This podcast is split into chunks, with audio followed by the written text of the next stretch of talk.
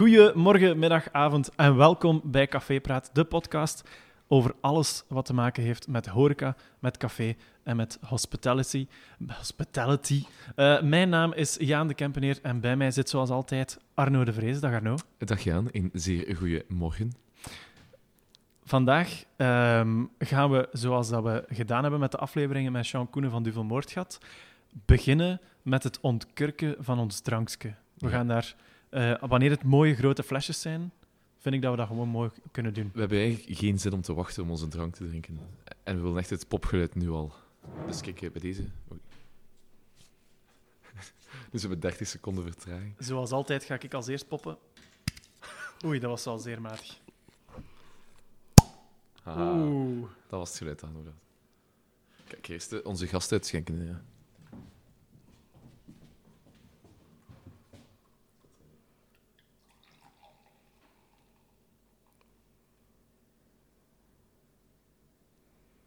Hoeveel er zo vast zit? 37,5. Hier.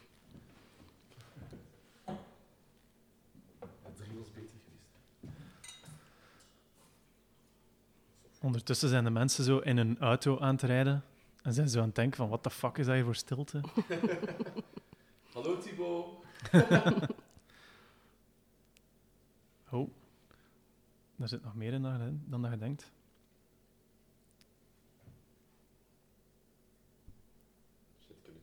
Super, dank je. Ik ga bij deze ook uh, voor de, meteen drinken, want ik heb uh, enorm veel dorst. Gezondheid. Geniet ervan.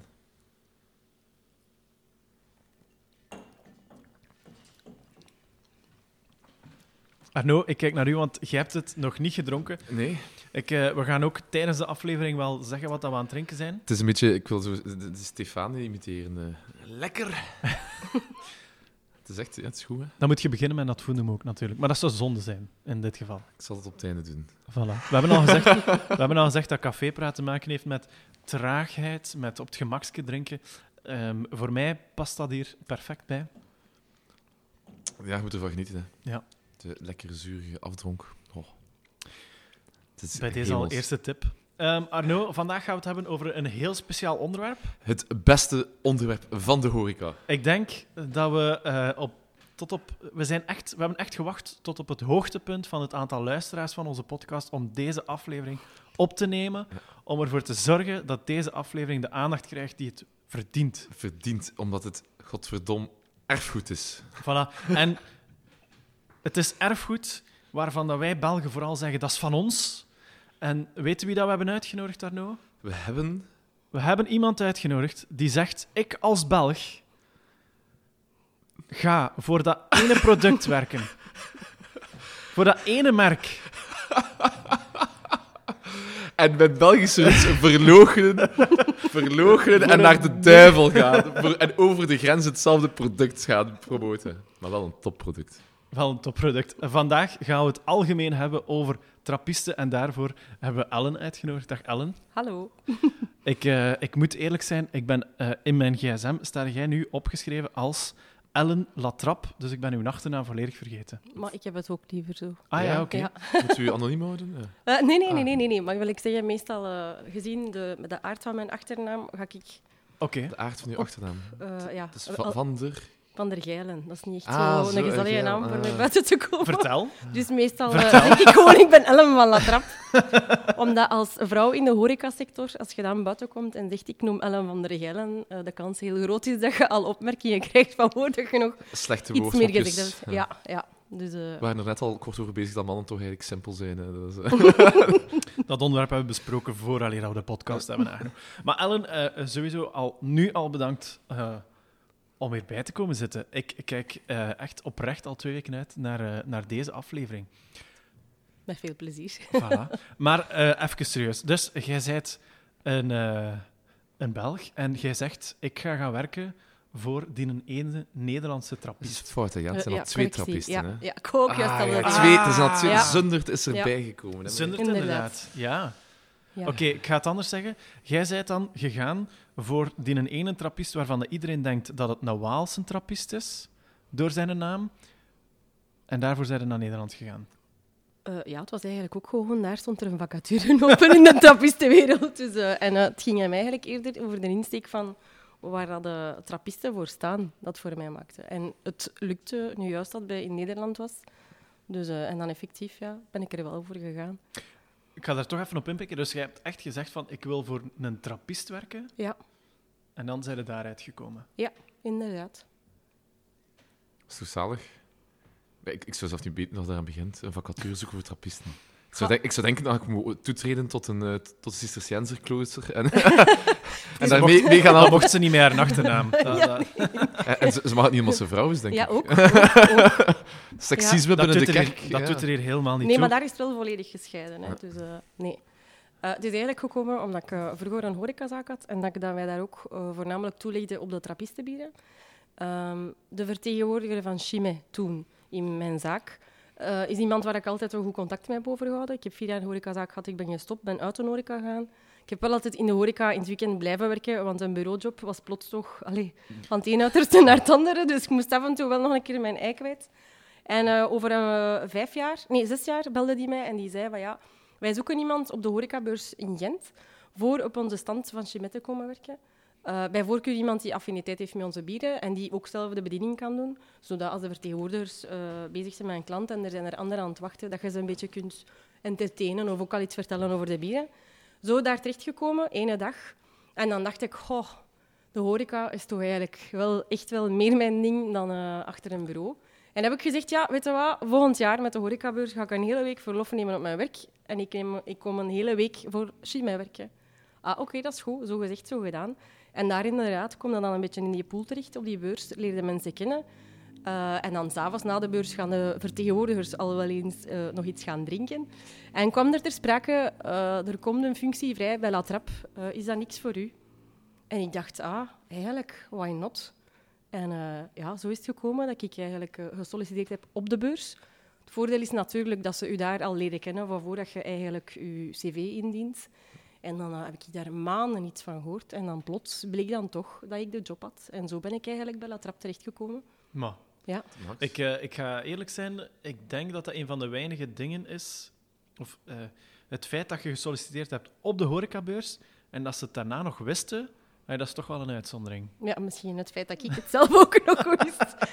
Nee, nee, nee, nee. Maar het is gewoon een heel andere context. Hè, omdat Ja. inderdaad, je staat daar te werken op de stand. En de mensen zien nu al bezig van hoe dat je met de... Allee, de- mijn, mijn huidige baas ziet dan al hoe dat je met mensen omgaat. Ja. Eh, Je hebt een voorsprong, je moest jezelf niet meer verkopen, want ja. je waart eigenlijk al bezig met... En ik zeg het, je zit daar ook in de pool. Dus eh, heel veel eh, vertegenwoordigers van in mijn horecazaak toen zijn eigenlijk nu mijn conculega's. Dus op dat vlak eh, ja, ging het dan ook wel wat vlotter, omdat die natuurlijk ook al iets over u te zeggen hebben, hoe dat je bent als persoon. En ehm, we hebben natuurlijk al een aflevering gedaan dus over alles wat dat met vertegenwoordiging te maken heeft.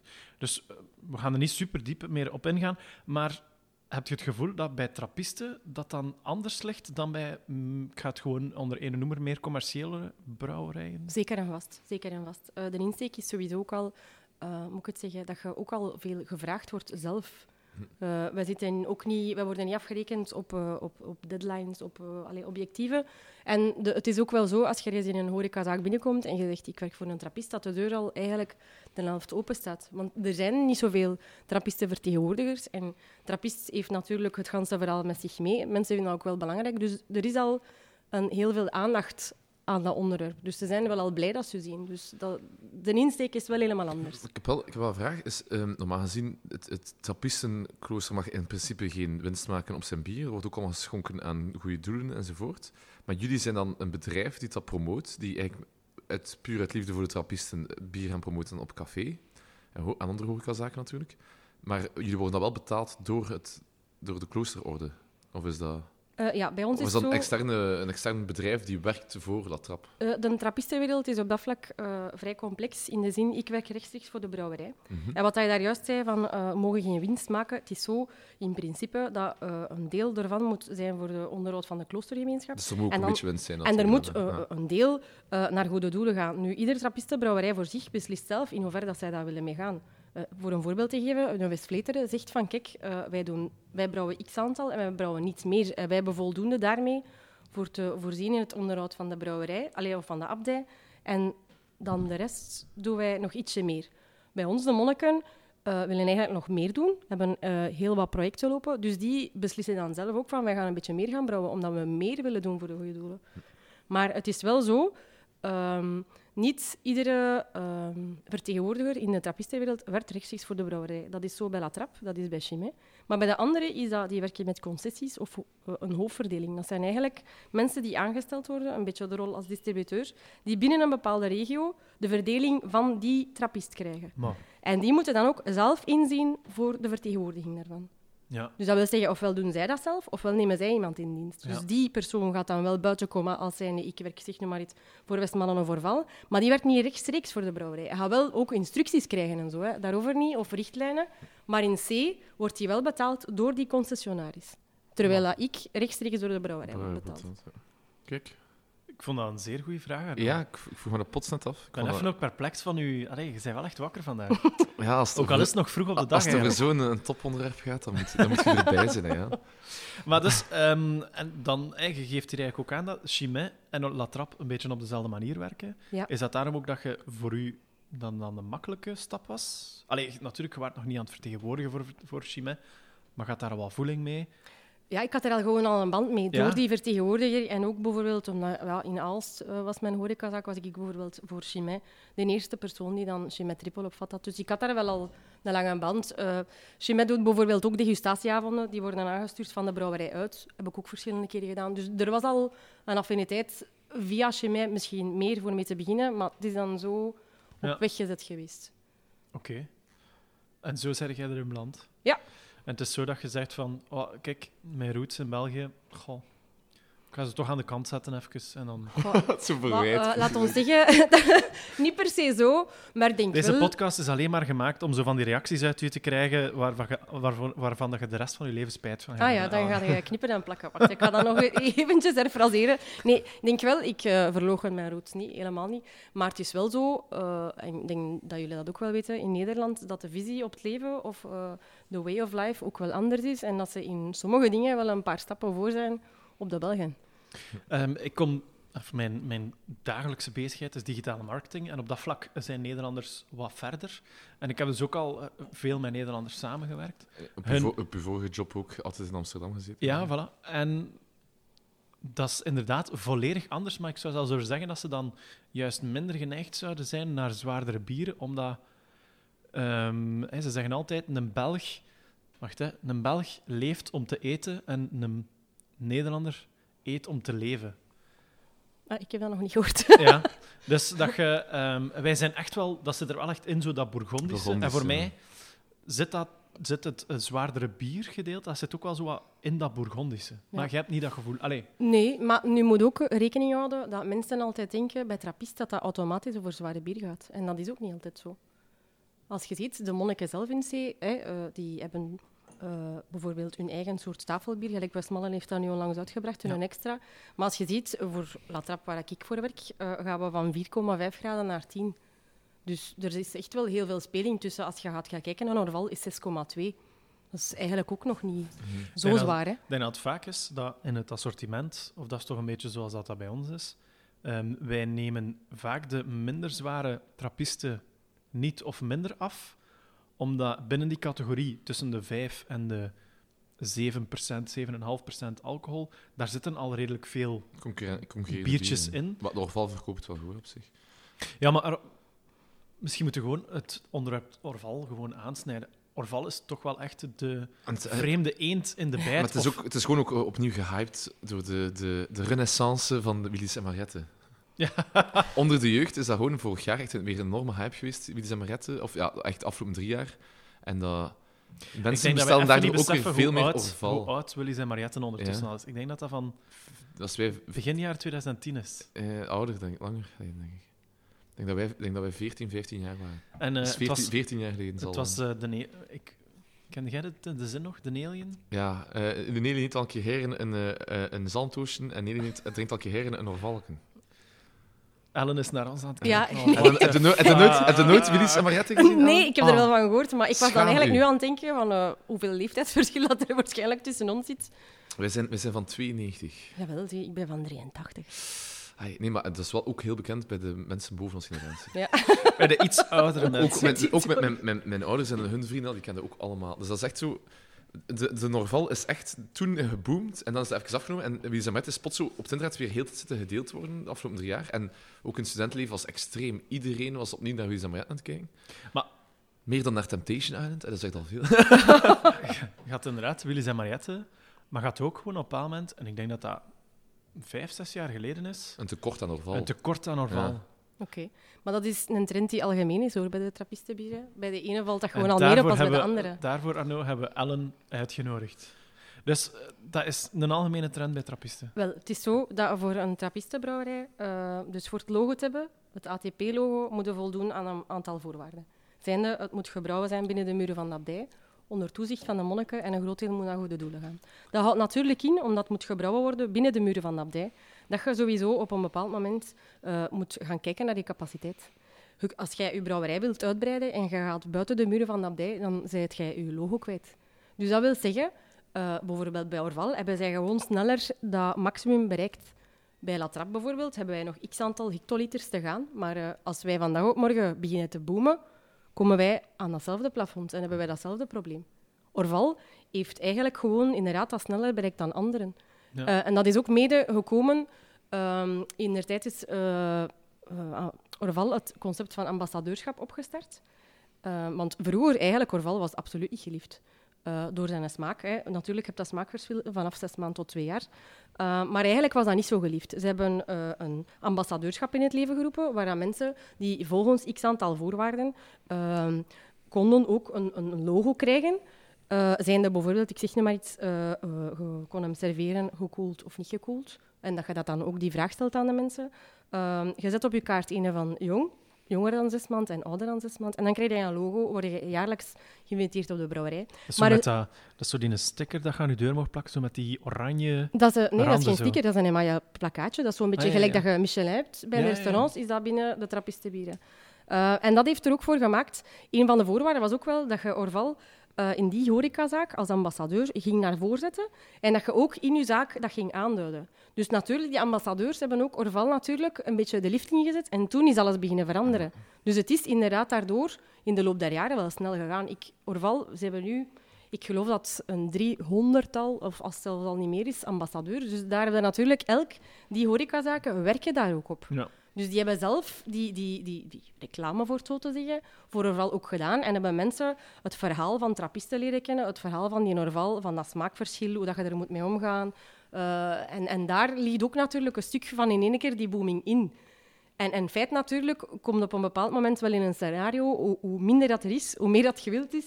En, en, en jij bent vertrokken. Hè? Je bent eigenlijk een beetje op bepaalde momenten dan slachtoffer van je eigen succes, voor zo te zeggen. slachtoffer, maar ik vind wel, ehm, als ik dan vanuit een café kan spreken, ze hebben daar wel een beetje een... Zijn daar duidelijk de... Ofwel hebben zij dat niet gedaan, dat kan ook de distributeur geweest zijn. Maar ze hebben wel zo'n beetje de kant gekozen van de cafés. Als in, op een moment kon het he- nog wel in verschillende cafés, zoals bijvoorbeeld de ambassadeurcafés, daar kon het nog krijgen. Maar niet meer eens binnen een groothandel of een supermarkt. Of. Inderdaad. Ja, nu ja, het is, als je een ambassadeurschap gaat uitstippelen met horecazaken, ga je natuurlijk wel aan die een voorrang gaan geven. Want een ambassadeur dat geen Orval heeft, ja, dat is wel maar vreemd. Natuurlijk, ja, als dat blijft duren, die vraag, tussen één bak of, een palet, ja, ze gaan ook niet altijd alles kunnen voldoen. Hè. Dus er zijn wel degelijk ambassadeurs die daar de problemen van ondervinden. Maar ik weet dat daar in principe wel wordt naar gekeken, dat er toch een continuïteit is. Want je moet ook al rekenen dat veel van die ambassadeurs op hun beurt al zijn begonnen met eh Orval van ouder dan zes maanden aan te bieden, maar ook al een jaar, twee jaar. Eh, ik heb, ben met mijn horecazaak ook vier jaar ambassadeur geweest van Orval. En eh, voor, ik zeg nu maar, eh jonge Orval, eh, dan eh, ouder dan zes maanden, een jaar en twee jaar, had ik al 55 bakken in mijn kelder staan. Voor een constante relatie te hebben. Want ja, natuurlijk, die, dat moet er wel staan die een tijd. Maar ja, als je dat dan gaat optellen bij x aantal horecazaken, het is niet altijd omdat dat ze zeggen het is er niet. Er staat misschien wel een stok in de kelder, maar je moet ook wel een tijd hebben voor, voor te kunnen rijpen dan, zogezegd, dat Ja, je dat kunt ja. aanbieden. We hebben, Ja. er, we hebben ook een twintigtal in de kelder gezet voor de zekerheid. Ja, want gelijk nu een voorbeeld met de coronacrisis bij Orval is iets heel fascinerends. Hè. De horecazaken zijn niet open. Wat is er gebeurd? De mensen zijn enorm thuis beginnen Orval te consumeren. En die hebben nu het probleem van lichtgoed. Het is nu helemaal anders. En waarom is dat? Omdat in de horecazaken heb je een verloop van dat lichtgoed. Ja. Maar thuis, bij de Mensen mensen, gaat dat zo snel niet niet. binnen, ja. Dus nu hebben zij dat probleem. Zie je, ja. dus het is, het, is, allee, Ja. het is niet altijd wat dat lijkt. En het is voornamelijk ook grotendeels omdat je daar met die maximumcapaciteit zit. Maar kunnen we een keer kijken naar dat eh, smaakverschil? Je hebt in het begin van, uw, van hetgeen wat je nu zei over Orval gezegd dat er een smaakverschil zit tussen een, een jongen, zes maand, en dan twee jaar. Het is Maar- 2 en 5, is dat dan zoveel Ja. minimum? Het, gaat, het gaat voornamelijk tussen de eerste twee jaar zijn. ze, Dat je eh, het grotendeels Maar hij wordt wel zo heel, heel metallisch, vind ik. Zo, ik. Ik vind het heel lekker eigenlijk, maar ik, ik- ja. Want- Ik, ik lust het allebei graag, maar het hangt ervan af hè, een beetje dat, dat ja, Ik vind, ik vind ja, nu, nu met de coronacrisis gaan we natuurlijk enkel eh, halfjarige orvallen hebben, geen eh, verse. Maar eh, het, is, het, is, het is een compleet andere smaak. Ik vind, ik vind het wel Ik vind voor mij persoonlijk zes maand vind ik, vind ik zeer lekker. Omdat dan zo dat juist zo iets wat dat net te scherp is, Ja. dat is er zo wat af voor mij. ja, dat is zo. En dan vind ik hem echt fantastisch. Eh, maar je merkt gewoon dat in heel veel cafés, bij ons ook, eh, wij hebben Orval staan van, een jaar, van vijf jaar, of tot vijf jaar. Ehm, maar we hebben daar de regel, je mocht er maar één drinken. Ja. Omdat dat is ook wel echt voor te degusteren, voor te proeven, voor hè, een keer na te denken van oké, wat zijt je hier aan het drinken? Niet om er snop over te doen, maar ja, gewoon, eh, je moet er wat meer geld voor vragen. En ehm, ja, het zou zonde zijn om na zeven kasteelbieren opeens een Norval van vijf jaar naar binnen te spelen. Ja. Ehm, maar het, enerzijds heb je die beleving, dus allee, goed, hè, het is een keer een smaakbeleving. Maar jij zegt dat eigenlijk qua smaakverschil, dan na die twee jaar, dat er op zich niet superveel Goh, het, verandert. ervan- ja, het gaat automatisch wel veranderen, maar het is niet de, dat, dat, Het dat, scherpe. Ja. ja. wat dat jij zegt van tussen die zes maand, dat, dat gaat eh, minder, in, minder intens zijn. Of. Ja. En natuurlijk, eh, afhankelijk, want jij zegt nu vijf jaar, moet je daar ook weer gaan kijken. ehm, hoe wordt het bewaard? Daarvoor niet per se van u toe. Hè. Maar ik wil maar zeggen, bijvoorbeeld in veel horecazaken staan de bakken bij de bierkoelers. Dat is dan eigenlijk in theorie voor het goed te bewaren al te warm, soms. Ja. Hangt ervan af. Hè. Ik zeg, het is niet overal zo. Eh, de vochtigheid, eh, hoe worden ze gezet? Allee, het zijn zoveel dingen die meespelen, ook in die smaak. Hè. En en, en als je malchance hebt, ga je effectief met gelijk wel bier dat je houdt, ehm, ga je oxidatie hebben van je bier. Je zit nog altijd met die kroonkurk, zit dat in een omgeving die vochtig is, ja, dan weet je ook dat dat gaat beginnen te rusten. Ja. En dat kan ook allee, effect hebben op je bier. Is dat kroonkurkje eigenlijk niet 100% goed afgesloten en kan daar lucht in, kan dat ook zo zijn. Er zijn zoveel factoren dat daarin meespelen. En, en dat is bij iedereen anders. Ehm, ook, ja, hoe, hoe is het ervoor gestockeerd geweest? Heeft het eh, op, op, op een depot in de zon gestaan? Eh, hoe is het weer hier in België geweest? Allee, er is van alles dat wel meespeelt. Ja. Dus, eh, en, en soms is dat lekker, soms niet. Maar dat is ook natuurlijk, een smaak is persoonlijk, hè, vind ik. Ja. Ja, dat is, en daarom ook. Het zou zonde zijn als je dan een van vijf jaar koopt, dat je niet echt heel bewust kunt zijn van oké, is dat een smaak die ik leuk vind of lekker vind? Zeker. Of, Natuurlijk, En- als je het nooit niet probeert, ga je dat ook niet weten. Nee. nee, het is dat. Dus, Dus, het is zo, ja, Bij aan iedereen die deze podcast luistert in eh G-huis, Merelbeekstraat 99 Melle, kunt je ook Orvals van vijf jaar proeven. maar we doen die wel meestal tijdens de winter. Ja. Dat is wel zo... Ja. Nogmaals, die traagheid die we er willen insteken, en dat past zo meer in de winter dan tijdens de zomer. Nu, als er iemand dat zou vragen aan ons, dan kan dat altijd. Soms zijn ze op, hè. Ja, dat is waar. Maar eh, wat ik heel leuk vind aan dat ritueel, is als ik het dan schenk, dan ehm, neem ik het flesje, ehm, doe ik het stof er niet af, En dat is echt zo nog Ja. veel, soms Zet ik het- beschimmeld flesje. zet ik het op tafel. Nu, beschimmeld is misschien wel... dat gaat stof is alleen. Die Ja, maar we, hebben zo is één bak gehad die echt zo beschimmeld was. Ik heb ook gewoon met schil aan alle tafel zitten. Dus gewoon, kijk, dat heb hier vijf jaar in de kelder gestaan. En dat krijg jij hier nu van mij. Hè. Geniet ervan. Maar COVID, daar zijn we allemaal... daar moeten we voor oppassen. Maar voor die schimmel... eh, Goed in de schimmel wil drinken, hè. De, de Maar kroon- zowel bij schimmel als covid was het niet de insteek als het gegeten wordt dat geen probleem was. Als Ah, het ja, via dat de spijsvertering Ja, ja, ging. Dus, kapot eh, gaat. En daarna een klein beetje chloor naar binnen. En dan... maar dus, ehm, ik ben natuurlijk volledig mijn draad kwijt. Maar goed, wacht je kunt- het maken voor vijf jaar ouder overval. Maar dus ja, je hebt wel, eh, die trend is er wel, ze verkopen het wel. Eh, maar eigenlijk, hm, ik noteer dan een beetje eigenlijk in mijn hoofd. En dat is eigenlijk de eerste persoon, of je bent de eerste persoon die dat tegen mij zegt, dat eigenlijk boven de twee jaar het smaakverschil minder groot is. Ja. Ik ga het gewoon zo zeggen. Eh, maar ik zelf dus echt, die een zes maand. Nu, wat je ook hebt in de eerste twee jaar, is dat je nog in principe op je flesje staat op 6,2 graden. Maar door die uitsuikering gaat dat natuurlijk ook nog een verhoging in alcoholpercentage hebben. Maar hoe hoog gaat dat? Eh, ik geloof, als ik me niet vergis, dat het tot 7 ging. Ah, oké. Dat zal van nog. Ja. Want Het zit in extreme mate Dat is veel zoiets- erger wordt. Dat is zoiets mythisch bijna, dat ook, eh, zeker bij eh trappistendrinkers, zo, dat gesprek bestaat dan zo onder de trappistendrinkers. Ze zijn dan een oudere trappist aan het drinken en dan beginnen de verhalen, maar ja, dat is een veel sterkere. Allee, maar laten we eerlijk zijn, als het dan eh, van begin 6% tot 7 gaat... Ja, ik zeg niet dat het niet hoger kan zijn, hè, maar doorgaans... Ja, nee, nee, Allee, voilà. maar Maar niet, het is- gaat niet naar 10 gaan. Ja, dat, voilà, dat, voilà. sowieso niet. Dat is... eh, Zonde Ja. eigenlijk. Ja, zonde. Het kan, het kan ook je drank kapot maken, hè. dat bij niet laat blijven staan. eh, dat het te, te, te azijn wordt en, en, en Ja. mottig. En nog één ding over Orval, en daarna gaan we natuurlijk alleen nog maar praten over La Trappe. Maar ehm, wat is... Ik weet, ook, ik weet niet waar het vandaan komt, maar wat is de link tussen wielrenners en Orval? goh, Voor mij is dat iets wat dat onlos... Dat zit gewoon aan elkaar verbonden. Hier komt een groep wielrenners toe op zondagmiddag, zaterdagnamiddag, weet ik veel wat. Er wordt sowieso, verhoudingsgewijs, echt veel Orval gedronken. ik, ja, ik vraag me af, die wielrenners, zijn dat dan, is dat altijd le- dezelfde leeftijdscategorie of niet? Dat is al... Goh, dat zijn toch zo eh, de eh, v- 35 plus, ik ga het zo noemen. Ja. Eh, tot, wat is dat? Eind de 40, 50, zoiets. Ehm, Nu, denk, zeer homogene groep meestal. Ja. Ehm, bij ons is dat eigenlijk ook... Allee, ik denk niet dat dat per se Orval is, maar eh, een van onze... Allee, voor onze Latrap Blond, voor het zo te zeggen, mhm. is effectief, dat zijn de... Wielrenners die Ja, eh, bestellen.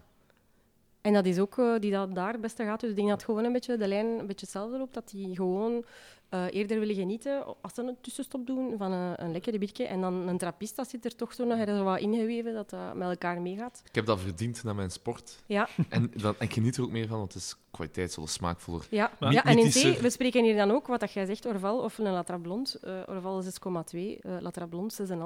Zie Ja. Dus Mhm. niet van... eh, ja, uiteindelijk moeten ze wel op hun eh, koersfiets nog naar huis geraken. hè. Dus... eh, Ja. Dat is zoiets dat, dat, dat ja, op een bepaalde manier allebei vlot drinkbaar is, denk ik. En ook niet te zwaar in alcohol. En dat daar een beetje het in ligt. En, en, ja. Maar ik heb mij ook laten vertellen dat Orval... Het kan waarschijnlijk weer volledig gelogen zijn, maar dat Orval ook laag in calorieën is. ja, maar ja, daar wordt veel over gezegd. Hè. Dat is zo gelijk is eh, een van de dingen van de, dat dat, Dat voor de gewoon goede diabetes is. marketing, denk ik. dat is evenveel, evenveel suiker en alcohol. Deze, dat je deze niet- podcast dient echt om een keer, te- om een keer zo die mythes zo een keer op tafel te leggen. Maar ik heb Ik gehoord... denk dat dat echt een dikke bullshit Ja, is. maar de- Dat- ik denk dat dat, dat, dat, dat hangt een beetje samen met het andere van die uitsuikering dat ik juist zei. Dat, dat dan wordt zo gezegd van, ja, Orval is bier dat je mocht drinken als diabetes. Ik denk dat dat daar een beetje mee samenhangt. Dat is ook een van de dingen die altijd gezegd wordt. Maar ik moet eerlijk zijn, allee, daar durf ik me gewoon niet over uitspreken. ik, ik vind geen calorische waarde van het bier dat we nu aan het drinken zijn. Eigenlijk. Nou, ik vind misschien gewoon eh, nu een heel goed moment, Arno, om een keer te bespreken wat dat we nu eigenlijk aan het drinken zijn. Fantastisch bier, maar geen trappist. Dus jij zegt is zo fantastisch, maar je fantastisch, hebt, je hebt het nu vandaag voor de eerste keer Ja, gedronken. Maar ik ben ook ik ben fan van zuurige dingen, van goede geuzes en andere. Het is... ehm, ja, of wil jij het zeggen, Jaan? Het is een heel mooie fles, hè? Jij mag het, eh, jij mag het volledig zeggen van Het is mij. een, een, een Rodenbach Vintage 2017. Die het is dan speciaal heeft in Eikenveld en zit een eh, week in, eh, of hoe zeg ik dat, trekken. Eh, Rijpen. rijpen. Rijpen is een mooi woord. Weken. Seks om de mossel die zo op zijn kunnen- Nee. Ehm, ja, nee, ik heb het nog niet gedronken. Ik heb eigenlijk nog geen enkel van de oude Rodenbachs gedronken, maar we, zitten, we hebben er gelukkig meerdere voor ons klaarstaan. Ehm, het, is, het is heel tof. Veel beter dan gewone Rodenbach. ik, ben, ik vind de gewone Rodenbach vind ik, ik vind dat niet slecht, maar ik vind, ook niet, ik vind het niet wauw. Ik drink dat als het aanwezig is, een keer, omdat het al lang geleden is, op een zomerse terrasdag. Of op de Massacantus in Gent, omdat dat de sponsoring is en dat er enkel Rodenbach gedronken wordt. Dat, eh, dat zijn de twee opties. Maar er is ook die... Dat is een redelijk grote studentenkring, hè? De Rodenbach. nee, dat is, dat is geen, niet echt uw grootste. Nee? nee. Maar het is wel zo dat de, de sponsoring van Rodenbach gewoon decadent is voor de Massacantus. En eigenlijk eh, niemand kan er tegenop, want ze maken verlies op het bier dat ze uitdelen. Dat is Goh. Want, want het, is, het is wel ideaal als je... Ik moet nu gokken, eh, de- ik denk 2000 eh, hardcore drinkers aanwezig hebt. Dus dat is wel echt heel goede reclame voor veel mensen ehm, die anders Rodenbach niet drinken. Die dan denken, oh, wow, dit is wel een keer tof. En iets anders. Het zijn dan ook mensen die niet graag drinken. Die vinden het jammer dat het met Rodenbach is. Maar die, Eh, die doen er een beetje beste grenadine bij of beste Genever. Ja. Dat is ook altijd een optie. Pardon? Ja, Om Maar het om zo- om het Genever, zo dat wist ik maken, ook ja. niet, maar grenadine, ja dat grenadine. is zoiets dat Beste Genever als als, je ja. sneller, als je sneller KO wilt gaan. Dat is niet- het is niet echt de meest verantwoorde manier om het te drinken. Dat Maar, denk ik ook niet. maar het is wel lekker. Het is hetzelfde als grenadine. Maar de grenadine vind ik ook een leuke touch. Ik moet dus niet dat ik dat per se beter of slechter vind dan de gewone rode mag. Maar deze is wel echt zo'n heel toffe, zurige vind het, eh, rijk. Ja, want Ellen, eh, je hebt, het, je hebt niet echt dit gevraagd. Je had eigenlijk gezegd van, kijk, voor mij een Rodenbach mag dat zijn. Als het kan, een Grand Cru. En dan heb ik, was ik in, bij, bij Dranke Geers, onze eh, bierhandel. Eh, en ik zag die Grand Cru Vintage 2017 staan. En ik dacht, ik ga dat ook meenemen. Maar jij hebt toch gekozen voor een Rodenbach. Zit er daar speciale reden? Ah, ook achter. eh, dezelfde reden als dat jij daar juist aan gaf. Hè. Zo dat surgen vind ik wel eh, lekker en ook niet te zwaar. En inderdaad, als het mooi weer is op een terrasje, dus binnenkort. Hè. Eh, graag, ja. We zijn trouwens, eh, we, hebben, we zijn vandaag, welke dag zijn we vandaag? Oh. 14 of 15 mei, eh, ja, april. We zijn vandaag 15 april en we hebben dus een, dag, een dag geleden gehoord dat we normaal gezien onder voorwaarden, eventueel, misschien als het kan, wanneer dat de cijfers eventueel waarschijnlijk toch een bepaald niveau halen, dat we op 8 zaterdag mei. 8 mei onze terrassen mogen open doen. Ehm, en dan zeg jij meteen, ah, doe mij maar een rode bakje. Maar voor de rest heeft dat niks te maken met uw familie. Je kijkt gewoon vooral uit naar dat terrasje. Ja, ja. Ik dacht, daar zit, daar zit ook zo nog... Ja, voor mij is Rodenbach zoiets wat dat je drinkt als je dat vooral zo... eh, zoals dat we zeiden is- met die het is- Rodenbach... Het is wel iets heel Belgisch, hè? Red ales zijn echt gewoon niet populair over heel de wereld. En in België probeert toch nog een beetje productdiversificatie erin te steken. Ja, zeker. En, maar ik moet ook zeggen, ik heb ondertussen bij de brouwerij bezocht in uh. En uh, het verhaal dat daar verteld wordt, en dan inderdaad, als je dan die voeder ziet staan en zo, het toch wel nog wat extra cachet hoor. Uh, en ze zijn, allee, het is ook, moet ik het zeggen? Ze zijn er ook mee, mee, bezig. Met ieder product dat ze uitbrengen. En, en inderdaad, daar leeft dat ook wel streekgebonden. En allee, ze hebben ook al heel veel prijzen in de wacht gesleept. Hè. Ja, dat is wel. Dus, uh, dus allee, dat, dat, dat wil eigenlijk ook wel iets zeggen. Ja, maar ik zeggen, in het begin van mijn studententijd vond ik Rodenbach niet speciaal lekker bier. Maar ik geleerd dat ook gelijk wat drinken, vind ik. Het is zo, hoe meer dat je dat drinkt, ook bij deze nu. Ik moet zeggen, mijn, nu mijn, mijn tiende slok is al pakken intenser en, en beter dan de eerste slok.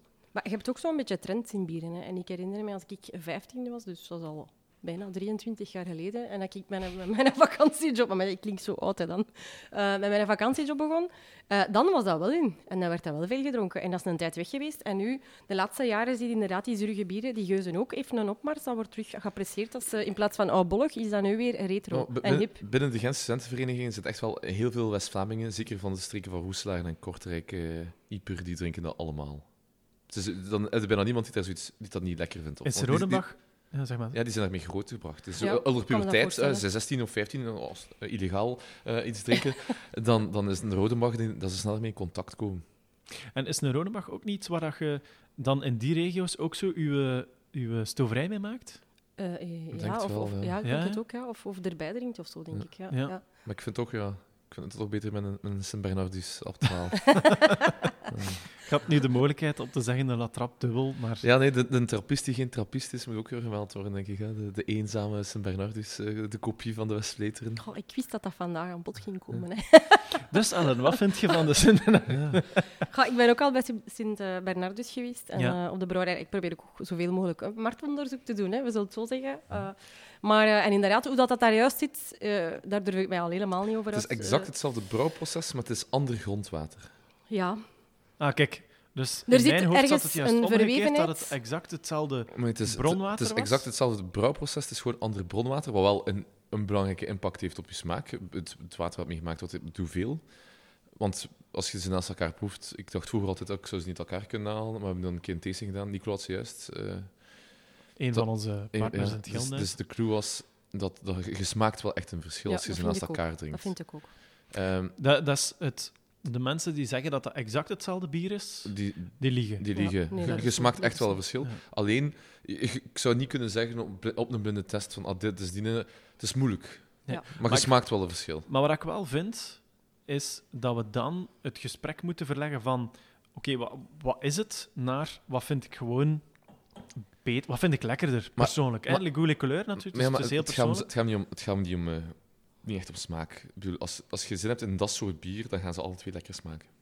Ja, Daar en kan ik toch... bij aansluiten. Ja? Ja, Want ik heb ze toen alle twee geproefd en ik ben geen... eh, ik drink van nature uit, als dat al kan, eh, minder eh, bruine bieren. en je vond toen Ik vond de Sint-Bernardus beter. beter dan de Westweten. Ja. Ja. Natuurlijk, hè, het is ook weer een smaak. Hè. Ja, het is zo. Dat is, eh, Maar het is gewoon het mythische verhaal. Hè. Gewoon met die houten bakken, geen etiketten. eh al exclusief, je moet er gaan nee, omrijden met je auto. al- Nee, nee, nee, nee, nee, nee. Ja. die doen levering aan huis nu. Hè. Ah ja, met de Nee, je moet eh, u niet eh, allee, vergissen, maar de monniken zijn wel... ja, maar nemen eigenlijk is, hun tijd. maar eigenlijk is het raar. Eigenlijk, ze zijn pas commerciëler beginnen nadenken nadat ze moesten geld verdienen voor eh, was het, eh, een uitbreiding of iets dat afgebrand was. Of, of, of het was het, ik weet niet meer wat exact. Maar het is dat ik u zei, dat, dat inderdaad, dat, ze, dat iedereen, iedere trappiste, eh, abdij, brouwerij, eh, heeft zelf beslissingsrecht hè, Mhm. over wat dat zij nodig hebben. En inderdaad, ze hebben toen besloten, want ik weet dat dat nog was, dat ze daar dan zo'n one-shot hebben gedaan in de supermarkten en een one-shot naar Amerika. En het was daar dan uitgeroepen als beste bier. En dan was het ook in één keer eh, de folie. Maar, eh, ehm, Maar dat is wel op De de... mensen thuis eh, zien dit beeld niet, maar eh, het moment dat we zijn beginnen praten over West-Vleteren, is Ellen zo iets rechter gaan zitten. is ze zo iets actiever naar boven Ja. gekomen. Om toch... ja, en, eh, ik merk toch een beetje, eh, want het is absoluut eh, voor duidelijkheid ook geen frustratie, maar er zit wel echt verhaal achter. Hè? Al, je wilt, Het, je wilt hier gewoon duidelijk maken. het is gewoon veel marketing achter Ja. Westweten. Het is, het is, Het op- lijkt het is, niet zo. het is door, door simplistische monnikenhouding is het geniale marketing geweest, onbewust. Ah, ja, ik wou het juist Ja. zeggen, want eh, van Onbe- marketing... niet, ja. eh, Die ja. hebben geen marketingteam, maar Nee. daardoor net is het eigenlijk gewoon supergoed gemarketeerd door de mensen zelf. Oh, exclusiviteit en exclusiviteit verkoopt. Ja. Terwijl dat eigenlijk, eh, een Bernardus 12 kunnen in elke supermarkt kopen en die smaakt dan quasi hetzelfde. Die, die kost u maar een euro om in uw stoofvlees te Ja, jij zei daar straks van die houten bakken, maar ik weet niet of je gezien hebt dat inderdaad eh Sint-Bernardus ook die bakken al heeft, doodge- eh, heeft uitgebracht. Hè? toch? Ja. Ja. Ja. Ja, dat is gedaan. Ja, ik, eh, ik, En dan ik wil er niet vanaf zijn of dat nu- eind vorig nu- jaar was of dit jaar. Nu zijn we te eh, commercieel bezig. Maar ja, Sint-Bernardus, maar- Sint-Bernardus- vinden we dat ook Maar oké. Sint Bernardus is gewoon geen trappist, omdat het niet door een Cisterciënserklooster gedaan wordt. Dat is het enige verschil, denk ik. Anders was dat ook... Ja. Ja, dat, dat moet er wel zijn, hè, inderdaad. hè. Binnen de muren van de abdij, onder toezicht van de monniken, die inderdaad van de Cisterciënziersorde Dus- moeten zijn. Anders niet. En dat vind ik nu eigenlijk een van de belangrijkste gesprekken over trappisten. Er bestaat in mijn ogen een klein beetje een soort van... Hè, er is een mythe, als een hè, trappisten, dat is iets alsof dat, dat een verzameling van bieren die onkraakbaar zijn. Zo, die zijn allemaal stuk voor stuk goed. Maar fun fact, trappist is geen biersoort. Hè. Nee, voilà, maar dus, het is, het is daarom... Het is, het, is een bier, het is een biergroep. Het is een label. Het is een Ja, label het is een dat label zegt dat eigenlijk meer dan dat bieren alleen heeft. Hè. Eh, daar gaan we zo meteen ja. zeker, zeker op verder. Maar eh, mijn vraag is daarbij: is dat effect. hey, het, eigenlijk heeft dat weinig. Dat label heeft niks met smaak te maken, maar toch linken wij dat er een beetje aan. Maar het gaat dan meer, denk ik, over kwaliteit. In de zin van, eh, je weet waar, waar dat gaat vandaan komen. En het gaat ook enkel en alleen van die plaats komen. En dat, dat is een beetje... Er is niet ingeboet aan kwaliteit om het sneller Nee, te verspreiden, nee. om het commercieel te maken, Ja. om betere ja, logistieke problemen op te lossen. Het is gewoon, ah, dit maken wij. En tien jaar later gaat bijna hetzelfde fashion nog exact hetzelfde smaken. Ja. Er zal altijd wel een beetje natuurlijke variatie zijn door zeker. Ja. En heeft dan ook met hun financiële situatie te maken? Want we hebben daarnet gezegd: hè, ehm, er zijn eigenlijk drie pijlers waar het geld naartoe moet gaan. Eh, we kunnen er eigenlijk vier zeggen. Enerzijds, de monniken moeten overleven. Ja. Anderzijds uh, heb je uh, eigenlijk jij, Ellen. Hè, dus al hetgene wat daar rond het bier gebeurt, moet ook betaald worden. Ja. Uh, en dan het, het, derde luik is de goede doelen. Ja. Maar dan heb je het vierde luik. En ik denk dat dat uh, enorm met die kwaliteit te maken, of toch hetgene waar wij de kwaliteit aan linken. Ze kunnen eigenlijk niet anders dan het geld dat ze verdienen herinvesteren in hun eigen brouwerijen. Ja, maar dat zit ook verweven met andere factoren dan de kwaliteit alleen. Omdat zij, dat is ook een, een stuk van hun geloof dat ook een heel grote rol speelt. Het geloof van de trappist. Ja, van de monniken. Van, uh, moet ik nu maar zeggen, van uh, iets waar dat ze bij ons prat op gaan, is bijvoorbeeld dat ze de wereld mooier willen, mooier willen achterlaten als dat ze hem gevonden hebben. Dus, uh, dus dat inderdaad dat er heel veel geïnvesteerd wordt. Bij ons persoonlijk is dat nu in een waterzuivering, in zonnepanelen. In, allee, we zijn, nu zijn ze ook bezig voor dat inderdaad iedere liter water dat er gebruikt wordt eh, op, een, op een verantwoorde manier, eh, als hij, ik zeg nu maar, iets gediend heeft voor eh, de flesjes te spoelen, dat die toch op een andere manier nog gaat ingezet worden. Dat, Dat, eh, voor de inderdaad, Ja. ja, ja, dat de overschot van het brouwen eh, bij, de, bij de boeren gaat voor de veevoeders, eh, allee, als veevoeders. Dus veel dingen. Dus, dus dat is niet alleen een kwestie van kwaliteit. Het hangt er natuurlijk mee samen. Hè, want eh, ik zeg nu maar iets, oh, wanneer was dat? Ik denk een jaar of twee geleden, oh, oh, als daar die discussie was van bijvoorbeeld bij Rochefort over het bronwater. is bijvoorbeeld ook een heel belangrijke. Bij ons wordt het ook eh, gebrouwen met eigen bronwater. En dat is toch ook wel een vaste constante. eh, dat enerzijds die kwaliteit, maar anderzijds ja, eh, dat idee dat je inderdaad van op je eigen al een start hebt, is toch wel iets speciaals. Hè. Allee, ik zeg dikwijls tegen de mensen ook van... Wat dat- je weet wel bij een trappist dan, waardoor dat die kwaliteit er is, is dat is niet gelijk een Fanta dat je in China gaat kopen, die heel oranje ziet. Eh, in Timbuktu is het met veel brubbels. Hier is dat met minder brubbels. Eh, het komt altijd van dezelfde plek. Gelijk waar je hem gaat drinken. Drinkt hem hier in Melle, bij mij thuis in Aalst of in Zuid-Afrika. Het is altijd van dezelfde plek. En het is altijd onder hetzelfde proces. En ze zijn inderdaad wel zeer streng. Als een batch niet goedgekeurd wordt, allee, dat ze het niet top vinden, dat gaat gewoon niet buiten. Dus dat is wel ja, iets, een, een- kwaliteitsnorm dat ze voor zichzelf wel heel streng op zijn. En niet alleen een kwestie van de bieren, hè, ook van de andere is- producten. Zijt je nu aan het spreken vanuit La Trappe of zijt je aan het spreken over heel de lijn? Nee, heel de lijn. Heel de lijn. Heel de lijn. Allemaal zijn zo. Ja. Want het is ook zo, voor de trappisten, hè, voor dat logo bijvoorbeeld, eh, moet dat aangevraagd worden bij de eh, internationale vereniging van de trappisten, waar alle... Ik zie Ah. zo voor mij zo een grote ronde tafel met allemaal, met allemaal mensen in een, in een donkerbruin gewaad en een, een zwaar kruisteken rond hun nek. eh. eh, ja, ik, ik kan het niet zeggen, ik ben er nog nooit niet bij geweest. Nee, dus maar, het is ook altijd alleen maar van horen zeggen. Ze, maar, eh, maar ik denk, ja, omdat er nu heel veel mensen denken van oh, de trappist verliest zijn charme, want er zijn er zoveel bijgekomen van het buitenland. Maar nee, die moeten ook gewoon echt knokken voor dat label. Tuurlijk, dat tuurlijk. je krijgt dat niet zomaar, Nee. eh, dat label. Hè. Dat moet iedere keer naar voren gedragen worden. En dat is dan onder audits en dan moet dan nagekeken worden. En dan zijn gaan ze daarover stemmen. En voor hetzelfde geldt tegen die nee. Hè. Dus het zijn nu elf trappisten, hè, denk ik. Ja. Vijf, vijf Belgische, twee Hollandse, dus Zunder erbij. Dan Ja, ja Achal is eh, recentelijk zijn logo eh kwijtgespeeld. Kwijtgespeeld, juist. Ja. Oké. Ik, sorry, ik val even uit de lucht. Ik heb, eh, voor de duidelijkheid, eh, de Ah, mensen Ach- thuis Achel weten ook... Ha- Achel, Achel Hamond. Ik, ik, ik leid het gesprek. Arno die zorgt ervoor dat de weetjes aan tafel komen en de, de gast zorgt voor maar de normaal heb ik niet zoveel weetjes. maar normaal ik niet zoveel weetjes, maar ja, Dus, de trappist Eh, eh, Achel is zijn, is zijn label kwijt. Ik wist van niks. Ja. Hoe, Dat hoe is, komt eh, ik dacht van eh, januari 2021. Ja. Omdat er geen monniken meer zijn. Dat is echt sad. Gewoon omdat er niemand is om het, de, de, brouwer- ja, de, de kloosterorde in leven te houden, is het label trappist kwijt. Terwijl dat bier nog altijd fantastisch is, natuurlijk. Maar... Het is ook zo, tussen haakjes, nog een weetje, zo'n label is ook altijd maar voor x aantal jaar. Hè. Vijf Ja. jaar. En dan eh, moet het proces opnieuw ingezet worden. Hè. Oké. Dus ja, En zijn er zo nog al afgevallen? nee, dat, Dat is, we de eerste, weten? dat is de eerste, denk ik. Of Ja. in de geschiedenis zullen er waarschijnlijk wel ooit... eh, Eh, Geweest zijn, of- afgevallen. eh, ja, La Trappe is ook een tijdje zijn logo kwijt geweest. toch, ja.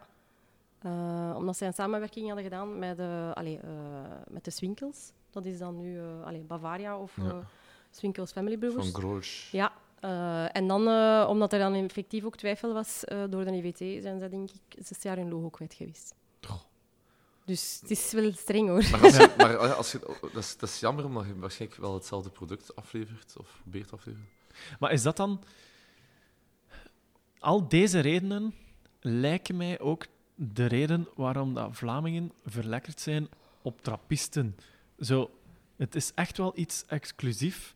En het komt ook terug in het verhaal van Orval. Maar omdat, heel we het niet kunnen krijgen, Maar het was vooral heel exclusief Belgisch, omdat je net er zes Belgische had en één Hollandse. En nu zijn er dus vijf Belgische en twee Hollandse, Italiaanse, Amerikaanse, Britse. Het zijn twee, twee Amerikanen. Nee, wacht. Nee, nee. Ooster- en. Oostenrijkse. En Oostenrijk, ja. Oostenrijk, ja. Dus eh, Spencer, West, Trifontane. misschien moeten we het wel Engels, gestruct- Eng, Engels Wacht, style. We gaan het Engels gestructureerd doen. Hè? Dus het, eh, de meeste West- mensen gaan nu thuis... Westmalle, ik ga, wacht, wacht, Westveteren. wacht. Ik ga de vraag stellen. dus Arno, zou je eens de vijf trappisten van België kunnen opnoemen? Westmalle, Westveteren, Orval, Chimay en Rochefort. Eh En, Ellen, Ach, en Achelrip niet meer. voilà. Eh, Ellen- ze mogen wel zich nog altijd trappist noemen. Hè. Oké, Maar ze hebben niet meer het dat is logo. Niet met logo. Ja, voilà, het is zo dat ze mogen wel nog in de, in Ja. de kring... Juist, het, ja, het, het kom Een kleine nuance. Ja. Ja. Eh, dus Ellen, dan heb je de twee Nederlandse. Ja. Eh, Dat La zijn Trappe de, en Zundert. en de Oostenrijkse. Engelsel. dan? Dat, ik was nog naar Sorry. Ellen aan het wijzen. Ja. En nu ga, ik, nu ga ik terug naar u, Arno. De eh, Italiaanse. Trifontane. Trefontane, Trefontane. Ik weet niet, ik kan geen Ja, Italiaans ja, ik twijfel ook altijd. Ja. Of dat, ja. Ik vind dat heel verwarrend, omdat je eh, drie fonteinen hebt. Ja, Trefontane Geuze. Dat lijkt er de. En eigenlijk, als, ik- allee, De als ik me is niet vergis, als ik me niet vergis, is Trefontane letterlijk in het Italiaans drie fonteinen. Nee, Dat zou ik denken. wel, ja. Goed, los daarvan, als iemand het je weet het, thuis, eh, laat het mij gerust Misschien is weten. het heel fontein. Eh, de Arno de Britse. de Spencer is de Amerikaanse. Ik weet niet wat de Britse is. Oeh, Even, kijk, we eh, hebben hem. Ja. Google. Tint Meadow. Ellen. Tint Meadow. Ja, Oké. ja. Ja. En dan Allee, dat is bier, hè. De, de uh, uh, abdijen zelf, de namen ken ik eigenlijk ook allemaal zo dat ging niet. de volgende Ja, vraag ja, zijn. wel. En dan heb je de Amerikaanse. Spencer. Eh, hebben ze dan allemaal? Ja. Ja. Oké. En ook een fun fact: eigenlijk is La Trappe de enige die de originele naam eer aan doet. Want het is van een trappistenorde en het, en het is allemaal vernoemd naar de Notre-Dame de la Grande Trappe in Normandië. Yes. Dat had ik gegoogeld.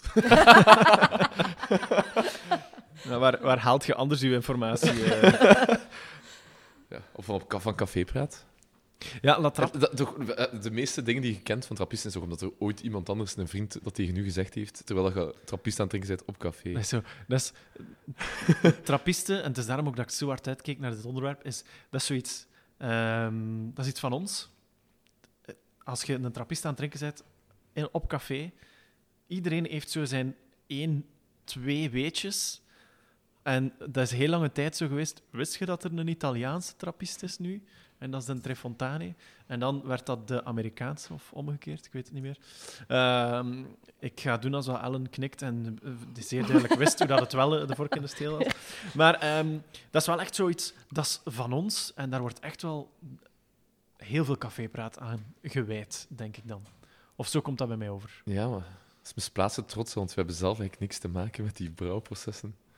Goh, ja. Bedankt, monniken, om het te doen voor ons. Er zijn ook veel dingen die gezegd worden over uh, trappisten. Ik zeg nu maar, iets, dat is dan eentje dat ik dan soms spijtig vind. Eh, geef mij een trappist, geef mij een leffe.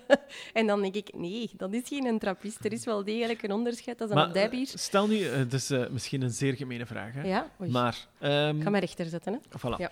Dus ehm, stel nu leffe, zoals dat het nu gebrouwen wordt, Ja. wordt door, monniken, wordt door de juiste monniken gebrouwen. Waarom is het dan geen een trappist? Maar door de juiste monniken. Gewoon de monniken of zijn het cisterciënziërs? Ah, dus Dat is ook de- belangrijk. Voilà, maar dus Het zijn, mogen geen karmelieten zijn, geen Dus Augustijnen. stel nu dat dat bier Ja. gemaakt wordt door de juiste mensen, Ja, waarom zou dat geen een trappist zijn? omdat je nog met andere regels hè, ook zit. Allee, nee, nee. In, in C is het zo dat de IVT 21 eh trappistenbrouwerijen, allee, abdijen ondersteunt. Maar die hebben ook niet allemaal Het eh, label. het label. Er zijn er tien die het niet hebben. Wel zot, wist ik niet. Eh, ja, en het hangt ervan af. Ik zeg je maar iets. eh, voor een voorbeeld te geven, Mondica heeft het niet het logo voor zijn bieren, want het wordt gebrouwen bij Chimay, maar heeft het wel voor de kazen. Allee, ze hebben het wel voor de kazen. Dus het kan individueel van elkaar zijn. Hè.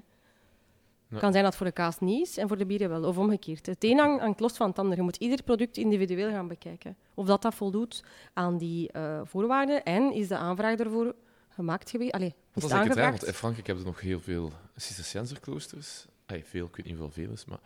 En daar hebben we nergens een, een, een, een merknaam trappist. Nee, het kwam uit, uit Amerika.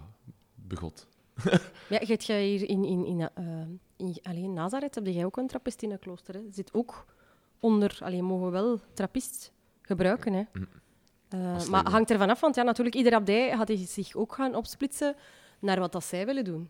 Het is niet vastgelegd van je moet bier brouwen of je moet kaas maken. Sommigen maken, eh, hebben al de, de, de producten daar dat ze hebben uitgebracht met Besmalle, zijn schoonheidsproducten. Bij anderen is dat honing, bij anderen is dat eerder zeep, bij anderen is dat mosterd. Wat ik hier ga doen is, ehm, voor de eerste keer in de historie van deze hele mooie podcast, is ik ga bij deze een knip inplaatsen. Voor de mensen die verder willen luisteren, luister alsjeblieft, alsjeblieft naar de eh, volgende aflevering. Daarmee gaan we gewoon verder samen met Ellen praten over trappisten. En het eerste onderwerp waarmee dat we gewoon verder gaan, zal het eten zijn. Eh, maar ik kijk ondertussen recht naar Ellen en ik heb ondertussen ook iets op tafel staan waar dat we dan ook meteen mee gaan beginnen. Ehm, dus wilt je verder luisteren? Luister gerust naar de volgende podcast. Ehm, en dan eh, knip ik hier even. Mijn naam was Jaan. Bij mij zat Arno. En ook de volgende aflevering zit Ellen van Latrap. Eh, bij ons. Ciao. Ciao.